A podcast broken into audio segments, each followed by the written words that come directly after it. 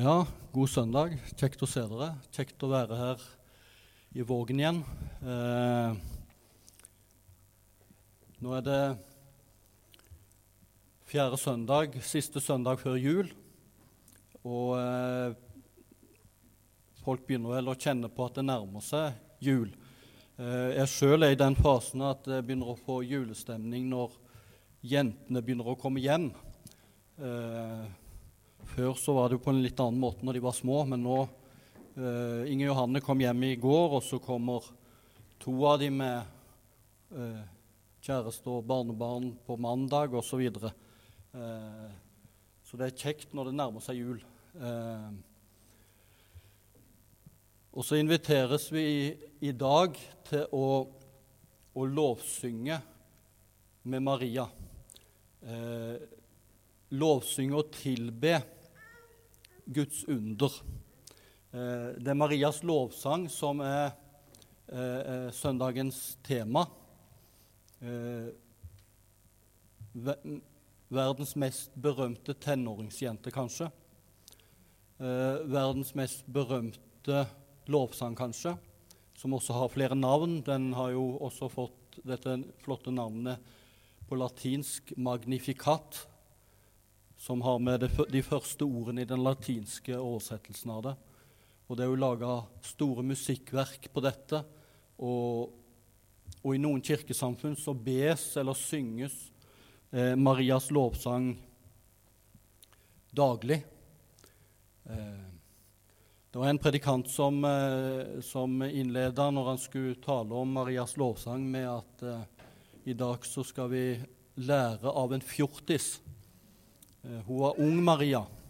Eh, og det er jo for så vidt en fin tanke at vi skal lære av en fjortis, eh, men du får assosiasjoner til at Maria nær sagt var en av dagens fjortiser. levde nær sagt i TikTok-verdenen. Men Maria var trolova, forlova, gifteklar. På mange måter en helt annen kultur. Men hun var sannsynligvis veldig fattig, sannsynligvis analfabet, eh, som hadde hørt de store fortellingene om Gud eh, gjennom familien, gjennom synagogen, og hørt Salmenes bok sunget og lest, eh, og levde slik sett i det. Og så inviteres vi i dag til å synge med Maria, sånn som Eivind Skeie synger i en av sine sanger. Og vi inviteres sånn som vi òg synger i noen julesanger, eh, bl.a. en 'Og kom, alle kristne, kom og la oss knele for barnet i krybben i Betlehem'. Eller som det står i en annen oversettelse 'Kom, tilbe ham, Guds under'. Jeg har blitt dratt inn i nettopp, og det er det jeg ønsker å dra dere med i nå når vi skal lese Marias lovsang. Eh, at vi inviteres inn i dette som har med lovsang og tilbedelse å gjøre. Eh, det å bøye kne for Guds under, for det er jo et forunderlig budskap julen handler om. At Skaperen er blitt et hjelpeløst og svakt menneske. Eh, at Han som gjør at vi kan puste, leve, han ble selv et hjelpeløst lite guttebarn.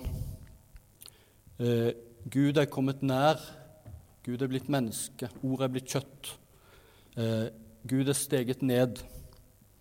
Ubegripelig for tanken, men som Luther anbefaler oss Istedenfor å spekulere, så skal vi tilbe, lovsynge. Og det inviteres vi til i dag. Eh, Blaise Pascal har sagt Mennesket er aldri større enn når det kneler. Mennesket er aldri større enn når det kneler.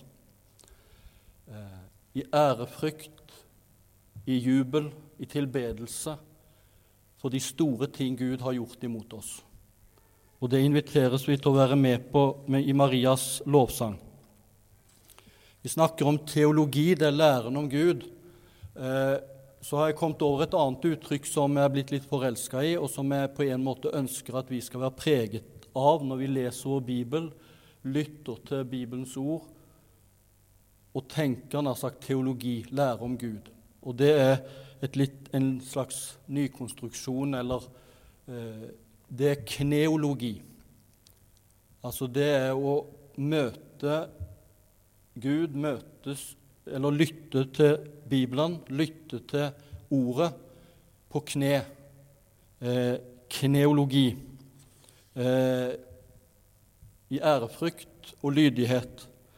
Augustin han sier, tankevekkende nok for en som forkynner som meg Augustin understreker at den kristne taleren kan utrette mer med audmjuk bønn enn med dugleik i talekunst. Ved å be for seg sjøl og de han taler til, skal han bli en beder før han blir en taler. Eh, det er noe med holdningen når vi lytter, når vi går inn i julehøytiden. Det å lytte i bønn og tilbedelse. Og Da tenkte jeg vi skulle be før vi leser den nydelige lovsangen. Takk, Herre Jesus, for det du har gjort mot meg, det du har gjort mot oss. Takk for det vi skal få høre om i julen igjen, at du som var i det høye og hellige. Du holdt ikke for et røvet bytte, men du ga avkall på det og tok en tjenerskikkelse. Du steg ned, og du ble født, og du ble lydig, lydig helt til døden på korset. Og så takker jeg deg for at vi kan få bøye våre knær og tilbe deg, lovprise deg for alt det store du har gjort mot oss. Må vi få synge med Maria i dag. Må du åpne våre ører og hjerter for denne nydelige lovsangen. Amen. Lukas 1 fra vers 46. Min sjel opphøyer Herren, og min ånd fryder seg i Gud, min frelser. For han har sett til sin tjenestekvinne i hennes fattigdom. Og se, fra nå av skal alle slekter prise meg salig. For store ting har han gjort mot meg. Han den mektige, hellig er hans navn. Fra slekt til slekt varer hans miskunn over dem som frykter ham. Han gjorde storverk med sin sterke arm. Han spredte dem som bar hovmodstanker i hjertet. Han støtte herskere ned fra tronen og løftet opp de lave. Han mettet de sultne med gode gaver, men sendte de rike tomhendte fra seg. Han tok seg av Israel sin tjener og husket på sin miskunn, slik han lovet våre fedre, Abraham og hans ett til evig tid. Dette er på mange måter vi kunne kalle det den første advents- eller julesang, hvor Maria lovpriser sin Herre og Skaper etter møtet med engelen, etter møtet med budskapet engelen hadde om at hun skulle bli med barn, og at hun skulle føde verdens frelser. Og så er responsen denne nydelige lovsangen. Jeg, jobber, jeg, har lyst til å begynne eh, med to personer som stoppa meg litt når jeg skulle forberede meg til denne søndagen. Eh, den ene er en tysk musiker og komponist som var en from kristen.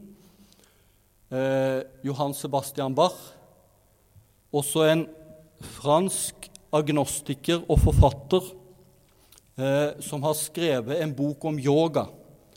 Eh, de to har jeg lyst til å begynne med, for på hver sin måte så vekket de meg til ettertanke i møte med det som har med lovsang, bønn og tilbedelse å gjøre. I en biografi eller en bok eh, i tekst og bilder om Johan Sebastian Bach sitt liv og virke, så sto det i forordet eh, som slo inn i meg, eh, om at Johan Sebastian Bach at i sentrum for hans hverdag sto bønn og tilbedelse. I sentrum for hans hverdag sto bønn og tilbedelse. Og så slo det inn i meg, så tenkte jeg jeg er reisepredikant, kristen forkynner. Kunne det vært sagt om meg at i sentrum for min hverdag sto bønn og tilbedelse? Det ble iallfall til ettertanke. Jeg kunne ikke uten videre svare ja og ammen. Jo, det gjør det. Og jeg håper at bønn og tilbedelse også er en del av min hverdag. Men jeg mer stammer på det, eller undrer meg åssen er det i mitt liv.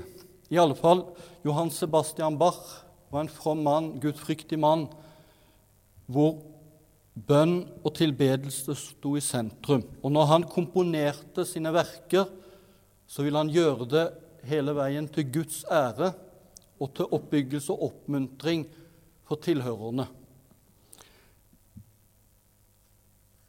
Og I de fleste, eller iallfall mange av musikkverkene hans så står det disse berømmelige initialene SDG, Soli Deo Gloria. All ære tilhører Gud. Han brukte så å si all sin kreative kraft til beste for sine medmennesker og til å ære Gud.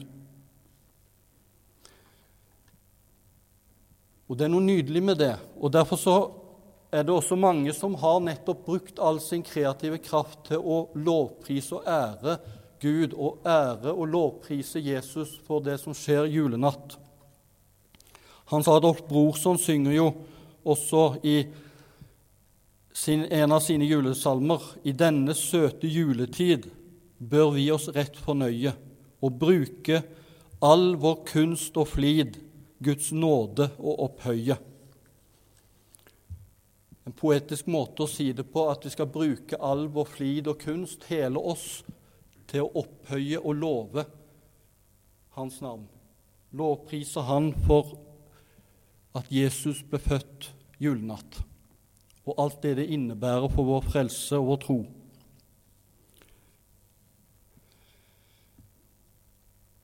Den andre som stanset meg opp for Johan Sebastian Bach på en måte lokker meg, eller som et forbilde, til å, å vie livet til bønn og tilbedelse. At hverdagen min skal ha det som sentrum. Så har jeg lest altså på en bok av en fransk agnostiker eh, som har skrevet en bok om yoga. Eh, hvorfor i all verden bruker jeg som reisepredikant tid på en bok om yoga av en fransk agnostiker? For det første så har jeg lest en bok av han tidligere som eh, ga mersmak. Og så ante jeg på baksiden at dette handler ikke bare om østlig meditasjon og yoga, men har en vending som er tankevekkende. Eh, for han vil utforske dette med yoga, meditasjon, eh, for å bli et bedre menneske.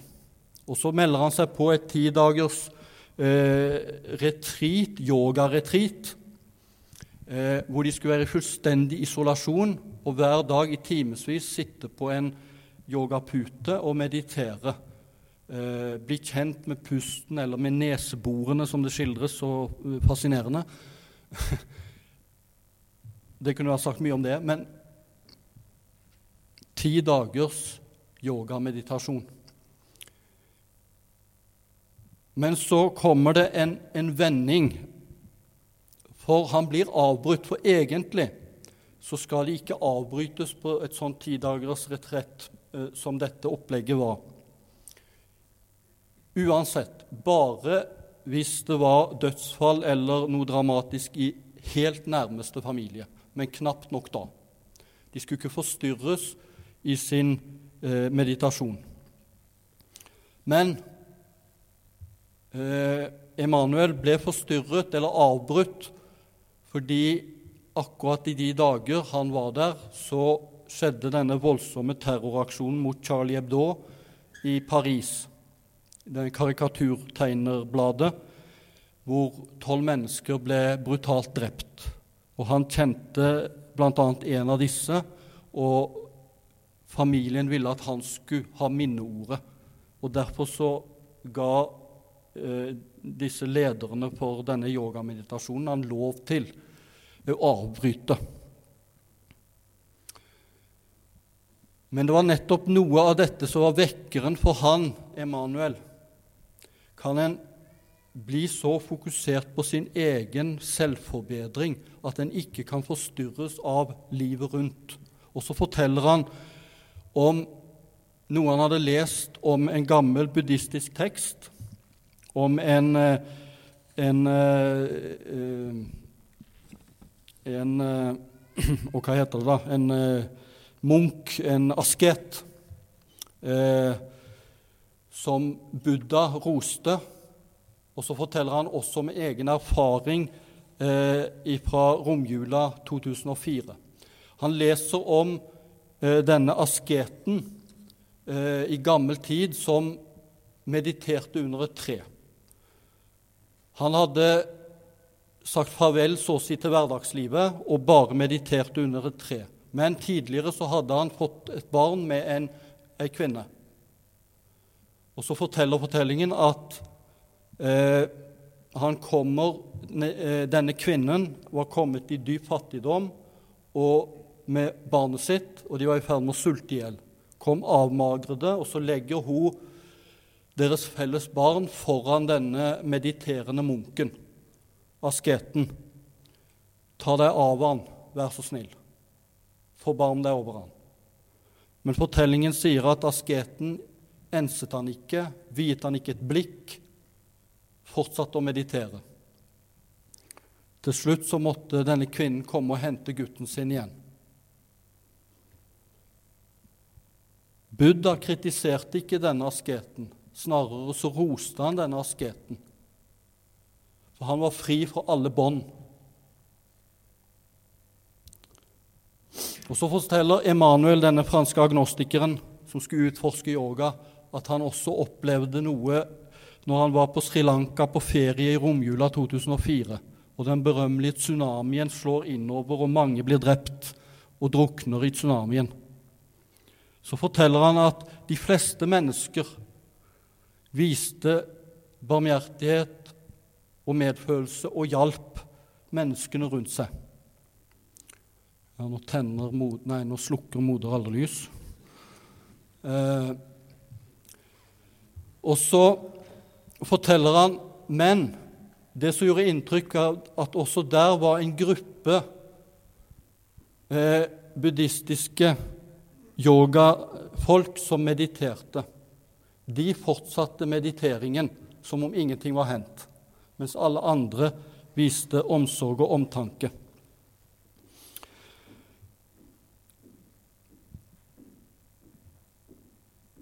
Og det ble for denne agnostikeren Emanuel som gjør at denne boka blir noe annet enn bare en bok om meditasjon og yoga, men også om det virkelige livet som møter oss, og som er rundt oss.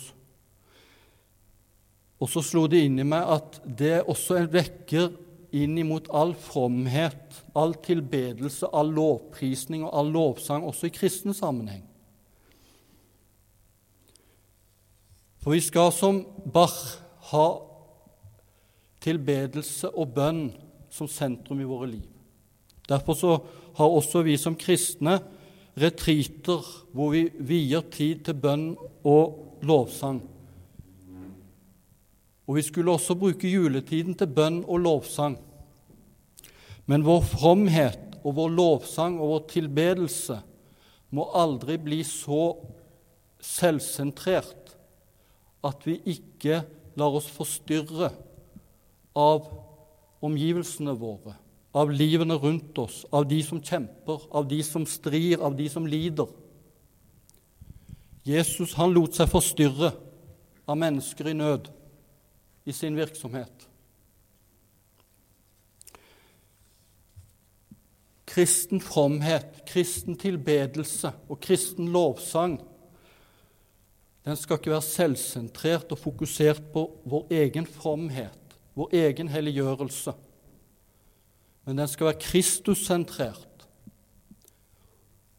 og med åpent blikk mot de vi har rundt oss, enten det er den nære familie, barna våre, ektefellen, foreldre, eller det er naboer, eller det er kolleger, eller det er de vi møter i vår vei. For meg så ble disse to, altså en from tysk komponist og musiker, som har laget et nydelig, eller flere nydelige verk, kantater og musikkverk om Marias lovsang, Johan Sebastian Bach. Men altså denne eh, rått ærlige franske agnostikeren som utforsket meditasjon og fromhet, men som skjønte at livet selv må få forstyrre oss, og barmhjertigheten den må vi vise mot de vi støter på i livene våre. Vi skal ikke ha, også nå i julen, hadde nær sagt, unnskyld uttrykket, juletrefromhet, hvor det ser flott ut, altså sånn som vi pynter et juletre, men det er intet liv. Vi skal ha frukttrefromhet, den som springer ut av samlivet med Jesus. Vi som er podet inn på vintreet. Lovsangen og tilbedelsen det er en respons på det budskapet vi hører, den vi har møtt. Og det var også nettopp det som var med Marias lovsang. Den var en respons på det Gud hadde gjort mot henne. For han har gjort store ting mot meg. Han har sett til meg i min ringhet eller min fattigdom. Maria hadde erfart noe og hørt noe og skjønt noe om Gud som gjorde at det utløste denne lovsangen. Lovsang som respons på noe stort som Gud har gjort imot oss, imot meg. Maria brøyt ut i lovsang fordi hun, lille Maria, en fattig jente i en jødisk fjellandsby, hadde fått besøk av himmelens skaper, av Gud selv, gjennom en engel. Med overveldende og overrumplende og overraskende budskap om at hun lille henne, denne tenåringsjenta, skulle føde verdens frelser. At inni hennes mors liv så skulle Herrens frelser vokse. I denne sangen så sier ekspertene på hebraisk og arameisk at det kan ha ligget et ordspill her, for hun synger For han har Nei, og min ånd fryder seg i Gud, min frelser. Jesus, eller Jeshua, betyr jo Herren frelser. Og at når hun har sunget denne lovsangen på arameisk eller hebraisk, så kan det ha vært et ordspill med, nær sagt, med Jeshua, med denne lille gutten som hun skulle føde, som skulle få navnet Jesus. Min frelser. Lovsang som respons på at han har gjort store ting mot meg. Men vi forstår ut ifra, hvis vi lytter oss inn i denne lovsangen, så forstår vi at Maria også har vært med på lovsang tidligere i synagogen, i hjemmet, som en del av et fellesskap, som en del av gudsfolket. For denne lovsangen er spekket med ekko eller assosiasjoner til Hannas lovsang, til Habakuk, til Salmenes bok. Maria selv om hun kanskje var analfabet, var vokst opp med Salmenes bok, med bibelfortellingene som var fortalt i hjemmet og i synagogen, og under påskemåltid, ikke minst, gjennom spørsmål og svar. Maria synes å ha vært, slik mange var i fromme familier, marinert i Bibelens verden. Levde i dette språket og har nok sunget lovsanger ikke bare som respons, men for en del, var en del av gudsfolket, et fellesskap. Og Sånn tror jeg mange av oss også som har erfart opp gjennom livet at vi har vært med og sunget julesanger og lovsanger og sanger, kristne sanger, og på en måte blitt dratt inn i dette språket, denne lovsangen og denne tilbedelsen, men ikke, men ikke alltid forstått eller begrepet hva vi sang. En del av julesangene er det først nå i godt voksen alder at jeg har begynt å forstå en del av disse underlige poetiske og bibelske vendingene. Som guttunge så tror jeg det var mye, bl.a. denne underlige som jeg siterte i eh, eh, sin I denne søte juletid bør man seg rett fornøye. Det er ikke akkurat det en liten guttunge sier. Han skal, sier at 'jeg har det gøy', eller 'dette var kult'. Altså, vi dras inn i, og vi synger med i lovsanger i kristenlivet som vi ikke alltid verken forstår eller aner rekkevidden av. Men det har sin verdi fordi vi dras inn i en verden av fortellinger, av eh, bilder av Gud, som gjør at vi seinere, når vi genuint erfarer noe med Gud, at så å si Gud slår inn i vårt liv, og vi skjønner at han har gjort store ting mot meg, så blir plutselig dette språket, disse sangene, disse salmene, disse lovsangene, noe som plutselig åpner seg. Og så kan du de kanskje til og med utenat, og så blir de noe som lever i deg. Han har gjort store ting mot meg, synger Maria. Og så tror jeg de fleste av oss har opplevd og erfart noe lignende. Og så blir lovsanger en respons på at jeg har opplevd store ting, eller skjønt store ting i det jeg har hørt i forkynnelse, eller sanger, eller lovsanger, eller salmer, eller det jeg har lest i oppbyggelige bøker, eller det jeg har snublet over i, til og med som jeg da i en agnostisk fransk bok om yoga så fått meg en vekker og en oppdagelse av hva kristen fromhet bør være. Og så leste jeg altså, Det er noe nydelig med disse enkle responsene på Guds store ting som skjer i våre liv. Arnold Eidslott synger, eller har i et dikt, denne enkle linje som pussig nok slo inn i meg når jeg forberedte meg. Jesus mitt hjertes glede. Jesus, mitt hjertes glede. Og så har jeg selv en, en sang som er min nær sagt responssang. Eh, dyraste Jesus, deg vil jeg elske. Like til døden elsker du meg. Deg vil jeg lya, deg vil jeg tjene. Gjeva meg villig, Herre, til deg. Det er noe godt å få respondere når en er blitt glad for hva Jesus har gjort for en. Når en har oppdaga storheten i at Jesus julenatt ble et menneske, kom oss nær. Eller en har oppdaga storheten i det som skjedde på korset. Hvor dypt og hvor vidt Gud har elsket meg. Og få lov til å respondere med lovsang, men også da gjerne med lånte ord av mennesker som har satt ord, satt språk til det som jeg kjenner inni meg. Julesangene er jo ofte skrevet nettopp som en respons på det de har oppdaget i dette underlige julebudskapet, at Gud er blitt menneske. De er født ofte i erfaring, gjerne i smertefull erfaring.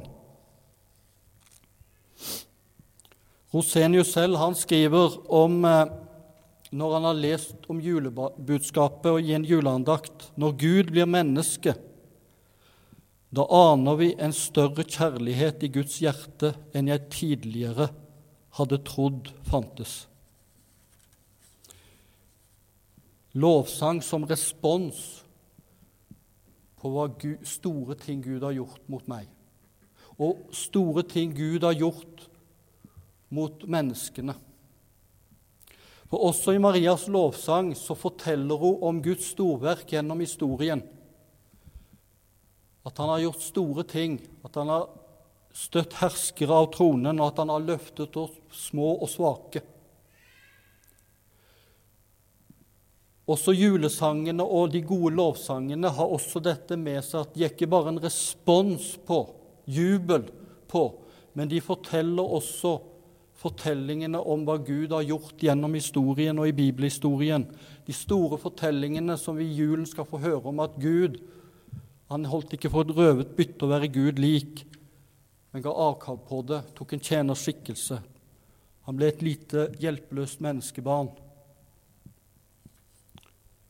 for å gå den tunge vei ned i døden og i mørket og i dypet for å fri oss ut. Men så er også lovsang og tilbedelse hos Maria og i Marias lovsang også lydighet. At den bøyer seg i ærbødighet og erkjenner at det er Gud som er Herre. Den mektige, den hellige. Se, sier hun i forkant, jeg er Herrens tjenerinne, la det skje meg som du har sagt. Selv om hun nok ikke helt kunne begripe det som englene hadde sagt om at hun skulle bli med barn, hun som ikke engang hadde hatt sex, at hun skulle føde verdens frelser. Alt det krevende som det innebar, alle de vanskeligheter det innebar for henne og Josef. Og så allikevel Se, jeg er Herrens tjenerinne, la det skje meg som du har sagt. Og så har hun i denne lovsangen en lovsang til den mektige, som har sett til henne. Han som tidligere har slått ned herskere, han som har løftet opp svake og hjelpeløse tidligere, han som står på de svake side.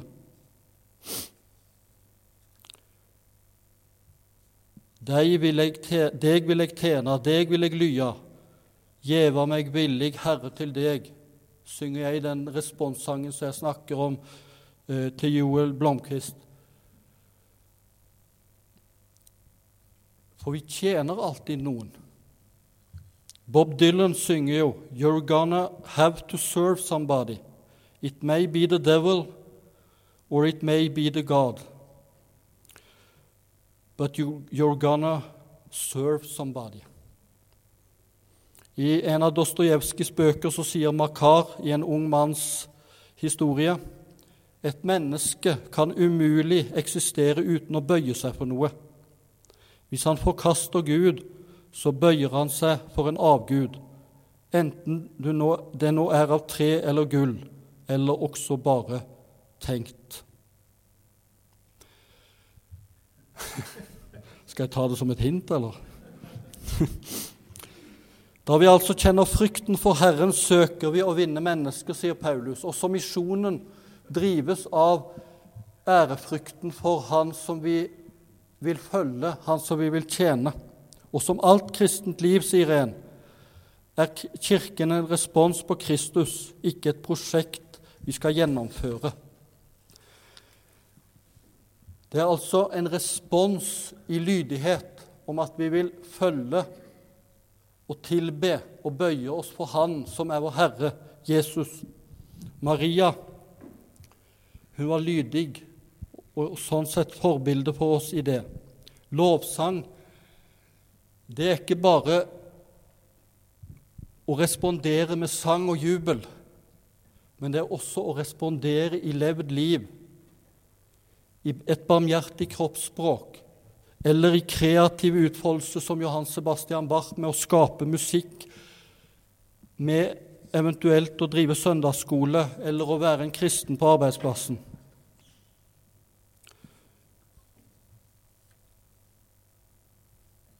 Og så er det noe i Marias lovsang, denne første adventssang, som også gjør at lovsang Det kan også være revolusjonært og et opprør, nettopp fordi det ikke bare er en respons i form av sang og musikk, men det er en respons i form av levd liv, i barmhjertighet, mot medmenneskene.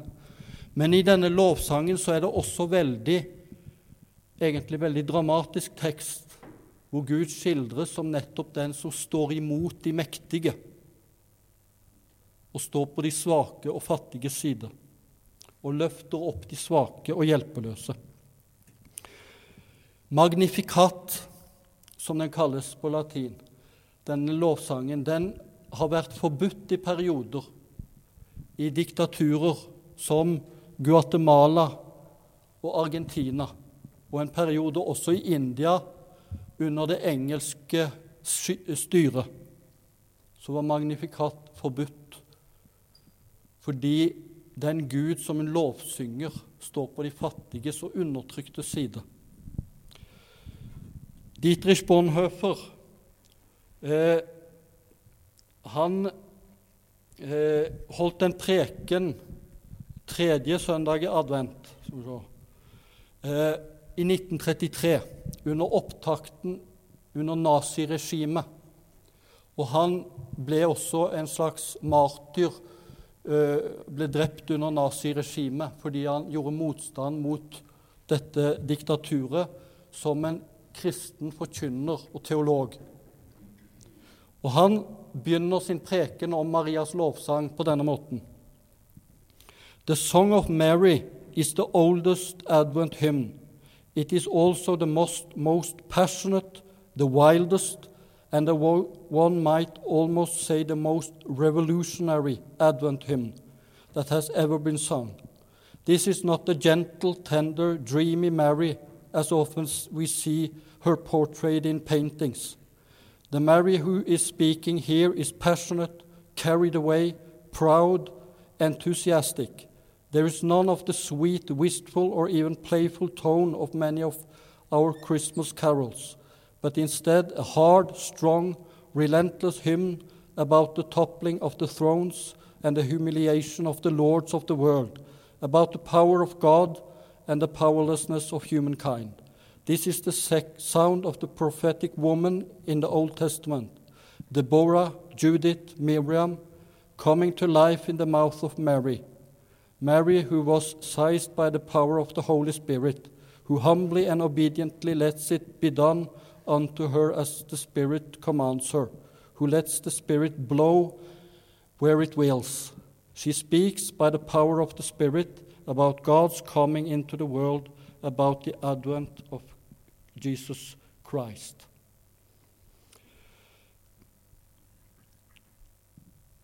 Dette er en lovsang til en Gud som holder seg til det lave og står med de som er utslått. Ja, som bor i det høye, det hellige,